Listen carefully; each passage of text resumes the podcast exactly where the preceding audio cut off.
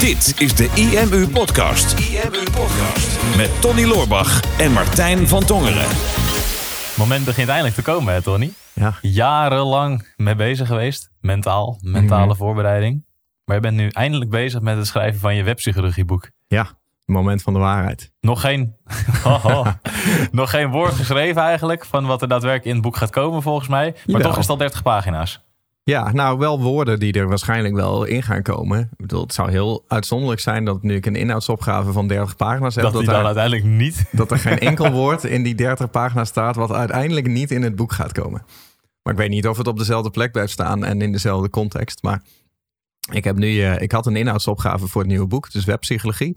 En dat is een combinatie van conversieoptimalisatie en eh, neuromarketing. Ja, eigenlijk online gedragspsychologie. Van hoe zorg je nou dat iemand eh, online daadwerkelijk datgene doet wat jij wil doen. Dus de, de zoete kunst van online verleiding. Mhm. Super, super gaaf onderwerp.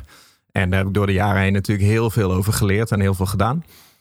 En eh, toen ik de inhoudsopgave helemaal had, ben ik aan de slag gegaan om die helemaal te vullen. Hè, punt voor punt van wat gaat er nou inkomen in dat eh, boek. En dat is best wel een verhelderend proces. En ja, dat zijn inmiddels 30 pagina's met gewoon pure outline. Dus het wordt, het wordt echt een conversiebijbel. Is echt super gaaf. Ja, vet man. Gewoon alle, alle boeken die erover beschikbaar zijn, wat er trouwens niet eens heel erg veel zijn, heb je doorgespit volgens mij. Hè? Je zei al, nou eigenlijk was, er zat er niet zo heel veel nieuws meer bij. Dus wordt het nu gewoon een punt, eh, het punt om één extreme conversiebijbel te maken. Die misschien ook al meteen in het Engels gaan, eh, gaan uitbrengen. Want ja. Ja. de hele wereld moet dit weten. Nou ja, ik, ik dacht inderdaad dat er niet heel veel boeken over waren. Dus ik heb gekeken naar wat zijn nou alle boeken die ik de afgelopen jaren heb gelezen over conversie en over neuromarketing. Maar ik heb er dus blijkbaar meer dan 100 Oh. die ik gelezen heb. En ik dacht dat ik niet zo heel veel la- las. Maar over één onderwerp dus meer dan 100 boeken gelezen. Lekker. En die heb ik inderdaad allemaal doorgespit de afgelopen week om te kijken naar aantekeningen en onderwerpen. Denk, ja, mis ik nog iets, bepaalde invalshoeken of eh, kan ik er nog anders tegenaan kijken? Maar nee, het is eigenlijk eh, het is een redelijk compleet eh, verhaal. En nou, nu, eh, nu is het eh, het moment van de waarheid. En dat is ook eh, waar we het in deze podcast over willen hebben. Mooi bruggetje ook, hè? Echt- dit, subtiel. er gaat nog een moment komen dat wij een soort van Emmy krijgen of een Oscar voor de, voor de bruggetjes die wij, die wij altijd maken. Ik denk dat we voornamelijk de troostprijs gaan krijgen. Ja, als we al een prijs krijgen. Ja, in ieder geval niet de eerste prijs. Nee. maar ehm, nee, het, het moment van de waarheid. Want ehm, ja, ik kwam er tegen ook. eh, ik was met het boek bezig en denk, ah, dat is eigenlijk best wel een interessante invalshoek. Iets wat de afgelopen jaren is veranderd. En dat is ja, het moment van de waarheid. Of ja, zoals Google het eigenlijk noemt, de moment of truth. Eh, maar Google heeft het in drie verschillende stappen verdeeld. En Google zei eigenlijk heb je de first moment of truth. Dat is het moment dat eh, iemand in de winkel staat voor het schap en daadwerkelijk een product kiest. Of Mhm. in de webwinkel bijvoorbeeld, hè, of bij ons op de website. Het moment dat iemand bijvoorbeeld op onze salespage zit en denkt van hé, ze geven een tof evenement in oktober, daar ga ik nu een ticket voor kopen. Dat is eigenlijk de first moment of truth. Of Goeie mensen- verkapte pitch. Ja, een hele goede verkapte pitch. Ja. Goed dat jij me nog even het patroon onderbreekt. Ja. Zodat iedereen die nu luistert weer scherp wordt dat wij in oktober een evenement geven. imu.nl slash event. Kracht van herhaling. Ja, dus dat is, dat is het eerste moment van de waarheid. Hè? Van kopen mensen daadwerkelijk je product. En het tweede moment van de waarheid, hè, second moment of truth, dat is het moment dat mensen je product daadwerkelijk gaan consumeren. Dus dat ze het uitpakken thuis, hun eerste ervaring, of dat ze inloggen op de cursus die jij verkocht hebt, of dat ze bij ons in de seminarzaal zitten. Ehm, dat zijn eigenlijk de, de, de belangrijkste momenten van hè, kopen mensen daadwerkelijk je product en als ze het hebben, zijn ze er dan ook daadwerkelijk tevreden mee. Ja. Ehm, en Google stelde van ja, doordat eh, het internet onze levens zo heeft veranderd, zit er eigenlijk nog een moment voor. En dat noemen ze dan het zero moment of truth. Mhm. Eh, en zero moment of truth is eigenlijk meer de research fase. Hè? Dus je hebt eh, het idee om een bepaald product te gaan kopen. Dus bijvoorbeeld, je bent op onze website geweest en je denkt, hey, tof seminar, daar wil ik misschien wel naartoe. Maar je gaat het nog niet kopen. Hè? Dus je besluit om terug te gaan naar Google. Eh, om te gaan kijken naar eh, reviews over ons bedrijf of hè, ervaringen van andere mensen over dit seminar of meer achtergrondinformatie over hetgeen wat je zoekt. En Google stelt, ze hebben onderzoek gedaan eh, een tijdje geleden. Ik heb het hier even opgezocht, maar Google stelt, ze hebben 84% van alle mensen die ze ondervraagd hebben, eh, geeft aan dat zij zo'n researchfase doorgaan voordat ze online iets kopen. Ja. Dus eigenlijk voordat jij in een webshop iets bestelt, 84% van de mensen pakt hun mobiele telefoon en gaat op zoek naar reviews, achtergrondinformaties, productvideo's, eh, prijsvergelijkingen met, eh, met concurrenten. Dus extra researchfase. En dat is best wel een interessante gedachte. Ja, zeker. En Ik zit te kijken, wel, welk, welk onderzoek van Google heb jij voor je neus? Want ik heb ook een onderzoek van Google voor Oh, jij hebt een andere. Ja, volgens mij een andere. Want dit is iets, ik heb staan de hele tijd al op, de, op die lijst van Google. Thinkwithgoogle.com is, dat, is die website. Ja. En daar delen ze heel veel van dit soort, eh, dit soort tips en informatie. En ik heb er eentje staan waarbij ze zeggen van... Hey, 70% van de eh, smartphone-eigenaren die iets kochten in de winkel... zijn eerst nog naar hun telefoon geweest om te zoeken naar informatie. En Mhm. 92% van de mensen die daadwerkelijk iets opgezocht hebben op hun telefoon... wat gerelateerd is aan zo'n product... hebben ook uiteindelijk een product gekocht. Het zijn in principe andere getallen, maar Ja, ook precies. andere metingen. andere metingen inderdaad, maar ook wel dus, dus best wel hoge, hoge percentages wat je dus ziet.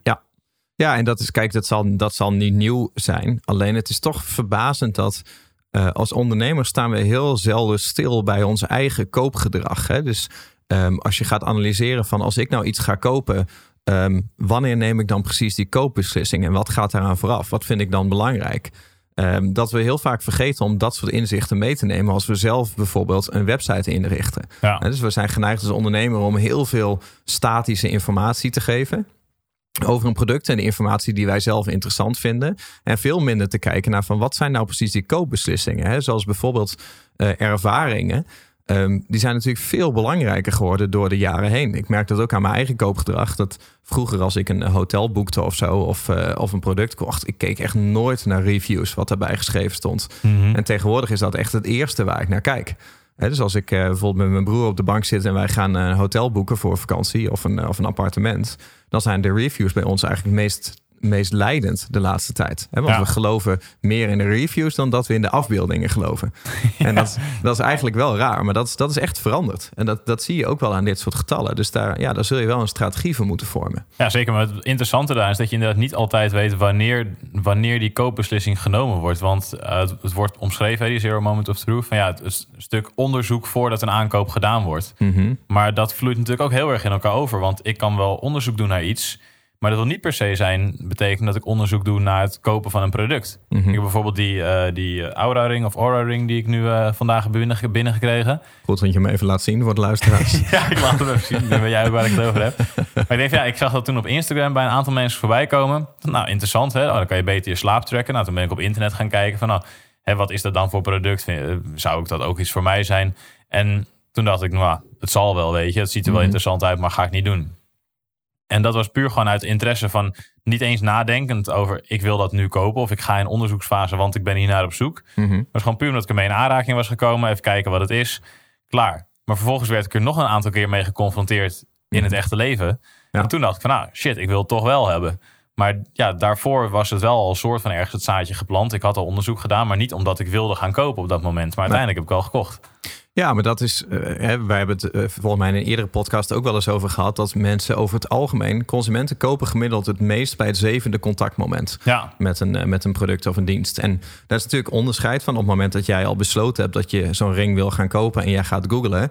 En dan zul je geen zeven contactmomenten meer nodig hebben. Maar dus die, die zeven contactmomenten, dat zit hem ook heel vaak al in die fase daarvoor. En dat je het inderdaad vaker hebt gezien. Volgens mij noemen ze dat het, het meer exposure effect. Hè? Dus Ja. meer bekend maakt bemind. Hè? Hoeveel te vaker je iets ziet, des te meer je ervan gaat houden, des te meer vertrouwen je erin krijgt en des te meer je ervoor open gaat stellen om eh, zo'n product uiteindelijk te gaan kopen. zou dat ook werken als mensen je vaak horen? Dat denk ik wel. Ik denk dat mensen wel best wel van ons houden. Dat hoop ik wel. Ja. Ja. En dat is sowieso, daar hadden we het laatst volgens mij ook over toen we het hierover hadden. Van, ga ervan uit dat als mensen stevast deze podcast luisteren, dat ze best wel van ons gaan houden. En als dat niet het geval is, denk ik ja, onderzoeken laten ook zien dat je pas ergens van gaat houden op het moment dat je je realiseert dat je het kwijt kan raken. Dus mocht je nou zitten luisteren en je houdt nog niet van ons, realiseer je dit. je, je kunt dit kwijtraken. We zitten, we zitten hier op de derde Ja, we, kunnen, we kunnen er zomaar mee stoppen en dan, dan is het er niet meer. Oh, jezus. Ja, Ja, dat voelt pijnlijk, hè? ik Goed. goed. Ik Ja, weet even niet wat ik met mezelf moet. Een klein staaltje amateurpsychologie erin. Maar goed, er zijn een aan- aantal principes komen bij elkaar. Dus hè, hoeveel te vaker we iets zien, des te meer we ervan gaan houden, des te meer vertrouwen er eh, uitkomt. En dat geeft je in principe ook al het vertrouwen dat jij je marketingstrategie ietsje breder moet trekken. Want je kan een hele succesvolle business bouwen door gewoon een advertentie online te zetten en die advertentie rechtstreeks naar een product te leiden en daar dan gewoon volle bak budget op te gooien en zoveel mogelijk bezoekers door een salespagina te duwen.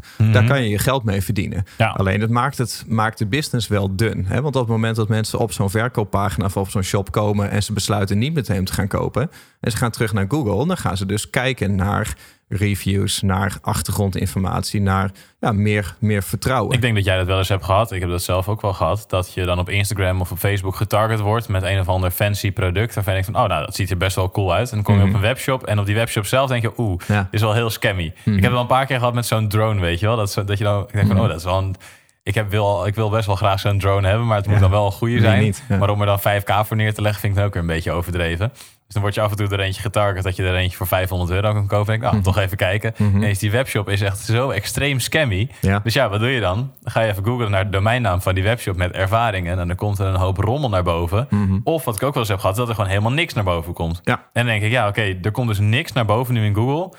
Dat betekent dat dit echt zo net uit de grond gestampt is. Dat, dat, Mhm. Ik weet niet of dit wel te vertrouwen is. Dus dan koop je het niet. Dus ik heb ook nog steeds geen drone. Nee, nee en dat is, dat is niet jouw schuld. Nee, dat is dat is schuld van niet de verkoper. Ja. Ja. Nee, maar dat is dus eigenlijk je, je review management. Wij zijn dat ook al gaan aanpassen. Hè? Dat voorheen ehm, vonden we het belangrijk om eh, ervaringen te krijgen van onze klanten. Dus dan eh, haalden we dat via de mail bijvoorbeeld binnen. Dat tegen Mhm. klanten zeiden van... hey, eh, kun je ons terugmailen wat je ervan vindt? We hebben ook een tijdje mensen naar Facebook gestuurd... Hè? dat ze daar reviews konden plaatsen. Alleen tegenwoordig sturen we ze naar, gewoon naar Google toe. Ja. Dus als iemand iets, iets eh, over ons te reviewen heeft... of iemand is positief in de klantenservice... dan kunnen we vragen van... hey, zou jij even naar Google willen gaan... even op IMU willen zoeken... en dan kan je direct rechts in beeld... zie je dan bedrijfsgegevens over de IMU... en dan kan je een review achterlaten.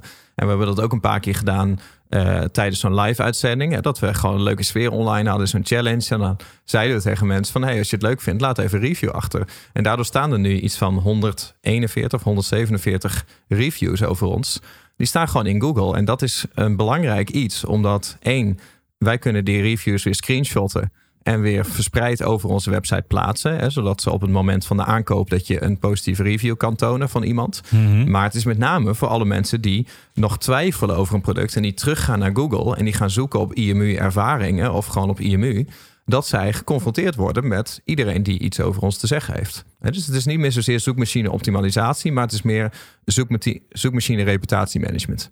Ja, dus het is belangrijk dat je, dat je website en dat jij op jouw eigen naam, op je, of je bedrijfsnaam of je productnaam, dat je daar goed vindbaar op bent. Ja. En het is wel grappig dat dan in die webpsychologieboek, terwijl je daarmee bezig bent, Mhm. dat een stukje SEO eigenlijk ook weer super belangrijk wordt. Mhm. Want ja, als mensen willen weten hoe jij ervoor staat, wat voor persoon je bent, wat voor bedrijf je bent, waar gaan ze dan kijken? Dan gaan ze vaak naar Google. Ja. Dus daar wil je wel hoog kunnen scoren. En dit is, dit is natuurlijk heel erg al op het productniveau. Hè? Van oké, Mhm. ik weet al dat ik iets wil gaan kopen. Maar het onderzoek van Google, wat ik eh, nog steeds voor mijn neus heb, Ja, daar hebben ze ook gewoon te lezen. meer onderzoek gaan gedaan. ja, daarom wa- dwaal ik af en toe even af. Ja. Nee, ze hebben meer onderzoek gedaan. En een van de dingen die ze zeiden, ja, het mobile search, dus het zoeken op mobiele telefoons, want zij focussen heel erg op mobiele tijdperk natuurlijk, Mhm. wordt voor meer gebruikt dan alleen maar dingen die mensen op dit moment nodig hebben. Mhm. Maar 68% van de mensen is ook gewoon puur informatie gaan zoeken op het internet voor dingen die ze waarschijnlijk in de toekomst nodig hadden. Dus het is niet altijd direct productgericht of dienstgericht of Mhm. servicegericht of koopgericht, maar juist een stukje informatie wat daarvoor komt. Dus meer Mhm. hoe werkt dit? Wat is dit? Waarom zou ik? Of misschien Mhm. producten vergelijken. Dus meer het stukje informatief wat daarvoor komt. En wat ik heel vaak zie bij, eh, bij ondernemers die wij spreken, is dat die zo erg bezig zijn met ja, maar ik moet mijn product verkopen. Mijn product moet hoog scoren in Google. Ik wil precies op deze zoekterm wil ik bovenaan komen. Mhm. Terwijl het verreweg het grootste zoekpercentage is informatie gerelateerd. Dus Mhm. juist een stukje ehm, informatie geven aan je potentiële klant, wat niet direct een koper hoeft te zijn, Mhm. dat is waar enorm veel winst te behalen valt. Ja, nou, het is gewoon waardevol om echt out there te zijn. Ja? En ehm, niet alleen het opgepoetste plaatje. Eh, maar het is dus, hè, dus niet alleen informatie van jezelf, maar ook informatie van anderen over jou. Eh, het hoeft ook niet 100% perfect te zijn. Hè? Want als jij alleen maar eh vijf sterren reviews hebt, dat is een beetje lastig bij ons. We hebben mensen gevraagd positieve reviews te plaatsen. waardoor we eigenlijk gewoon bijna vijf sterren scoren. Hè? Gelukkig maar 4,9. Want ja, als het helemaal perfect is, dan is het ook niet geloofwaardig. Hè? Dus je wil eigenlijk gewoon een zo natuurlijk mogelijk beeld van jezelf neerzetten. Omdat het bedoeld is voor de mensen die eh, nog in de onderzoeksmodus zitten, dat zij meer vertrouwen in jou krijgen. Ja, klopt. Wat ook wel interessant is daarbij is dat als je eh, toch aan de slag wil gaan met SEO, met zoekmachine optimalisatie en het reputatiemanagement, is dat het best wel goed is om te kijken naar, oké, wat voor zoektermen wil ik dan gaan scoren? Want Mhm. je staat je heel snel blind op die algemene containerbegrippen. Maar wat je ziet is dat er op merknamen veel meer gezocht wordt. Dus er was ook laatst een onderzoek gedaan dat als je bijvoorbeeld zoekt op e-mailmarketing, ik ga hem eventjes erbij pakken. Ehm ehm, e-mailmarketing, daar wordt 2400 keer per maand op gezocht. Mhm. En op Mailchimp, e-mail marketing provider, wordt 673.000 keer gezocht. Wauw. Dus dat is 280 keer meer. Mhm. Dus ja, dan denk je, oh, ik- heb e-mail marketing software. Of ik wil misschien iets schrijven over e-mail marketing software. En dan ga je op die term focussen. Mhm. Moeilijke term om op te concurreren ook. 2400 mensen die daarop zoeken. Terwijl op Mailchimp wordt veel meer gezocht. Dus stel jij hebt een e-mail marketing tool en je wil concurreren tegen Mailchimp. En je zegt nou, hè, Mailchimp versus eh, mijn e-mail marketing provider. Dan kan je dat veel beter intypen. Want dan kan je, zit veel meer zoekverkeer, er zit veel meer massa en zit dus ook veel meer potentie. Ja, dat is grappig, want ik zit hier tussendoor. Ik google dus gewoon voor het gemak eh, even mezelf. ik heb gewoon Tony Loorbach gegoogeld. Dan staat dus bovenaan een advertentie van de spreker. Hè, nou ja, daar, daar heb ik dan een samenwerking ook wel mee. Jij ook. Mhm. Maar er staan dus nog drie andere ads. Website Promoter, Reps Digital en Mediameisters. Die adverteren dus alle drie op mijn naam. Nice. Ja, nou weet ik niet of ik dat nice vind. Misschien moet ik dat even laten, laten beschermen, dat dat een, eh, een merknaam is. Alleen, ehm, dat hoort wel bij dat principe. Want eh, wij hebben daar inderdaad ook wel eens over gehad. En het staat nu op de planning voor de toekomstige contentstrategie. Als wij naar onze software kijken, zoals bijvoorbeeld Phoenix. Ja, Phoenix kan je vergelijken met bijvoorbeeld lead pages. Hè, of met ClickFunnels of met eh Instapage. Nou, zo zijn er een heleboel diensten waarmee je makkelijk landingspagina's en funnels kan, eh, kan bouwen. Ehm, en wij weten natuurlijk dat wij veel beter zijn dan al die andere tools. Uiteraard. Hè, zonder twijfel. Komen niet eens in de buurt. Komen niet in de buurt. Alleen eh, misschien dat iemand een van de concurrenten wel kent al kan, van naam en ons Mhm. nog niet. Dus het Ja. zou voor ons heel logisch zijn om een artikel te schrijven met ehm landingspagina software vergelijken. Of eh, Phoenix versus lead pages, Phoenix versus ClickFunnels, hè, Phoenix versus Instapage. Ja. Eh, en gewoon eh, objectief naast elkaar zetten Mhm. waarom wij beter zijn. ja, dat zou ik wel doen, ja. Ja, Ja, ja en dan, dan, dan die paginatitel misschien beginnen met lead pages versus Phoenix. Want mensen zullen waarschijnlijk dan zoeken op lead pages. Nou ja, klopt. Maar het, het, het voordeel wel is net wat jij zegt. Van, kijk, eh, Mailchimp heeft dan zo'n naamsbekendheid verworven... dat het inderdaad gewoon bijna bekender is dan, dan het vak zelf. Ja, Eh, en het voordeel wat je wel hebt, is dat als jij nou een concurrent van Mailchimp bent... dat je weet dat mensen die naar Mailchimp op zoek zijn... dat zijn natuurlijk hele waardevolle bezoekers voor jou. Hè? Dat zijn Mhm. mensen die dus al wel besloten hebben... dat ze klant willen worden van zo'n e-mail marketing provider... ja. maar dat ze, dat ze nog niet feitelijk gekocht hebben. Dus, dus ze zitten daar nog voor. Hè? Dus, eh, er zijn nog geen ringen uitgewisseld. er zijn nog geen je, uitgewisseld. je, je kan, je kan het nog stuk maken, zeg maar. Je kan er nog tussen. Alles kan kapot. Alles kan kapot. Alles kan kapot. Ja, als die ring er eenmaal onder zit, dan dat is moeilijker. Wel, is wel een stukje lastig, ja. Ja. En wat grappig is, want dit werkt bij zoekmachine-optimalisatie, maar dit werkt natuurlijk ook bij ehm, de interesses op Facebook. Ja. Want iemand kan aangeven dat hij geïnteresseerd is in e-mailmarketing, maar je kan natuurlijk ook kijken van, hey, is iemand al fan van Mailchimp op Facebook? Of is Mhm. iemand al fan van Leadpages? En dat je dan naar dat soort mensen weer gaat adverteren.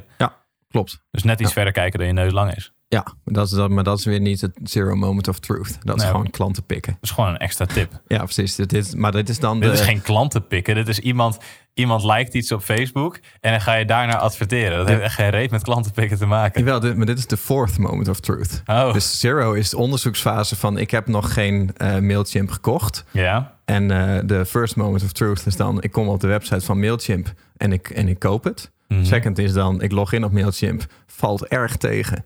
Want dat weten wij. Ja. Nee, nee, Ik wil net zeggen, ik denk, ja, die klinkt net alsof een mailtje wil promoten, maar dat wil ik echt absoluut Nee, nee, niet nee, nee, echt nee, een nee. verschrikkelijke tool. We hebben hier ook geen baat, want wij hebben geen e-mail marketing software. Maar ik vind Mailchimp vreselijk. Maar dat is dan een second moment. En dan komt er dan een third moment achteraan. Dat is Mhm. het moment dat je een advertentie te zien krijgt van de concurrent. En denkt van nee, misschien is die wel beter. Ja. Ja, Nice. zo kunnen wij ons eigen onderzoek publiceren. Ja, precies. Bedenk je die derde er nou gewoon bij? Ja, ja, doe ik Ja, allemaal bij. hoppatee. Ja, Jongen, ja. jongen, jongen, jongen. Nou goed, dwaal een klein beetje af. Maar eh, ik denk dat hier een hoop waarde in zit. Dat denk ik ook wel, ja. Gewoon het, een stukje realiseren dat mensen, voordat ze op jouw salespage zitten, dat de Mhm. kans groot is dat ze al onderzoek hebben gedaan naar het type product. Dat ze in ieder geval iets van een search query hebben gedaan om bij jou in de buurt te komen. Ja. En dus om te weten of jij wel eh, betrouwbaar bent of niet. Klopt. En weet je, analyseer ook gewoon je eigen gedrag. Hè? Waar zoek jij dan precies naar als je onderzoek gaat doen? Wat, wat geeft voor jou de doorslag? Hè? Wat vind je belangrijk? En uh, ik vind het nog wel interessant, uh, misschien heel persoonlijk, maar ik heb het wel eens gemerkt met, uh, met daten. Mm -hmm. Dus ik heb bijvoorbeeld als ik op, op Tinder of zo zat. Hè, of wel een persoonlijk andere, vaak als je date. Dat is heel persoonlijk, ja. ja. Nou ja, het is in ieder geval verleden tijd. Als ik het date. Hè? Anders doe ik het wel. maar, nee, maar goed, bij daten bijvoorbeeld, hetzelfde. Van op een gegeven moment, hè, of het nou via Tinder is of een andere manier, je hebt op een gegeven moment een match. Ik heb heel vaak uh, op een date gehad dat ik dus met iemand ging daten die ik nog nooit eerder had gesproken. En dat zij dan toegaf van ja, maar ik heb je wel even gegoogeld van tevoren. Mm -hmm. En dan had ze al allemaal video's bekeken en allemaal dingen. En zelfs een keer een, iemand gehad die durfde niet meer op date omdat hij heel erg overweldigd was door al mijn video's. Oh, denk, wow. ja, dat is niet helemaal de bedoeling. Hmm. Maar, uh, dan werkt het dus tegen je. Nee, maar daar zie je dus dat... Kijk, ook als je op een blind date gaat... Ja, je hebt de neiging van... Ik ga toch even googlen. Ik doe mm -hmm. hetzelfde ook als je een match hebt en een date gepland. Denk, ja, dan zie ik een voornaam staan en ik zie een woonplaats en ik zie een beroep. Denk je, als ik die nou eens combineer in Google... eens kijken of ik het kan vinden. Zeker weten. Denk, want je wilt toch... Ja, je hebt die, die nieuwsgierigheid. Hè? Je gaat toch even je research doen. En denk, ja, waarom zou dat voor producten kopen anders zijn dan voor, uh, voor dit soort dingen. Ja, zeker. Ik heb mijn vriendin heb ik het ook gedaan. ik heb eerst de hele Instagram feed doorgescrolld. Nou, even een heel beeld bij de. Ja. Kijken of je een foto kon, kon vinden die tegenviel. Ja, precies. Nou, dat, dat was dus niet zo. Dus nou, dan toch maar dat mee. Ja, toen werd het mijn vriendin. Ja. Zo snel kan het gaan. Precies. Nou, dat is misschien wel de meest waardevolle tip. Ik kan daarmee uh, afsluiten. Dus de Zero Moment of Truth.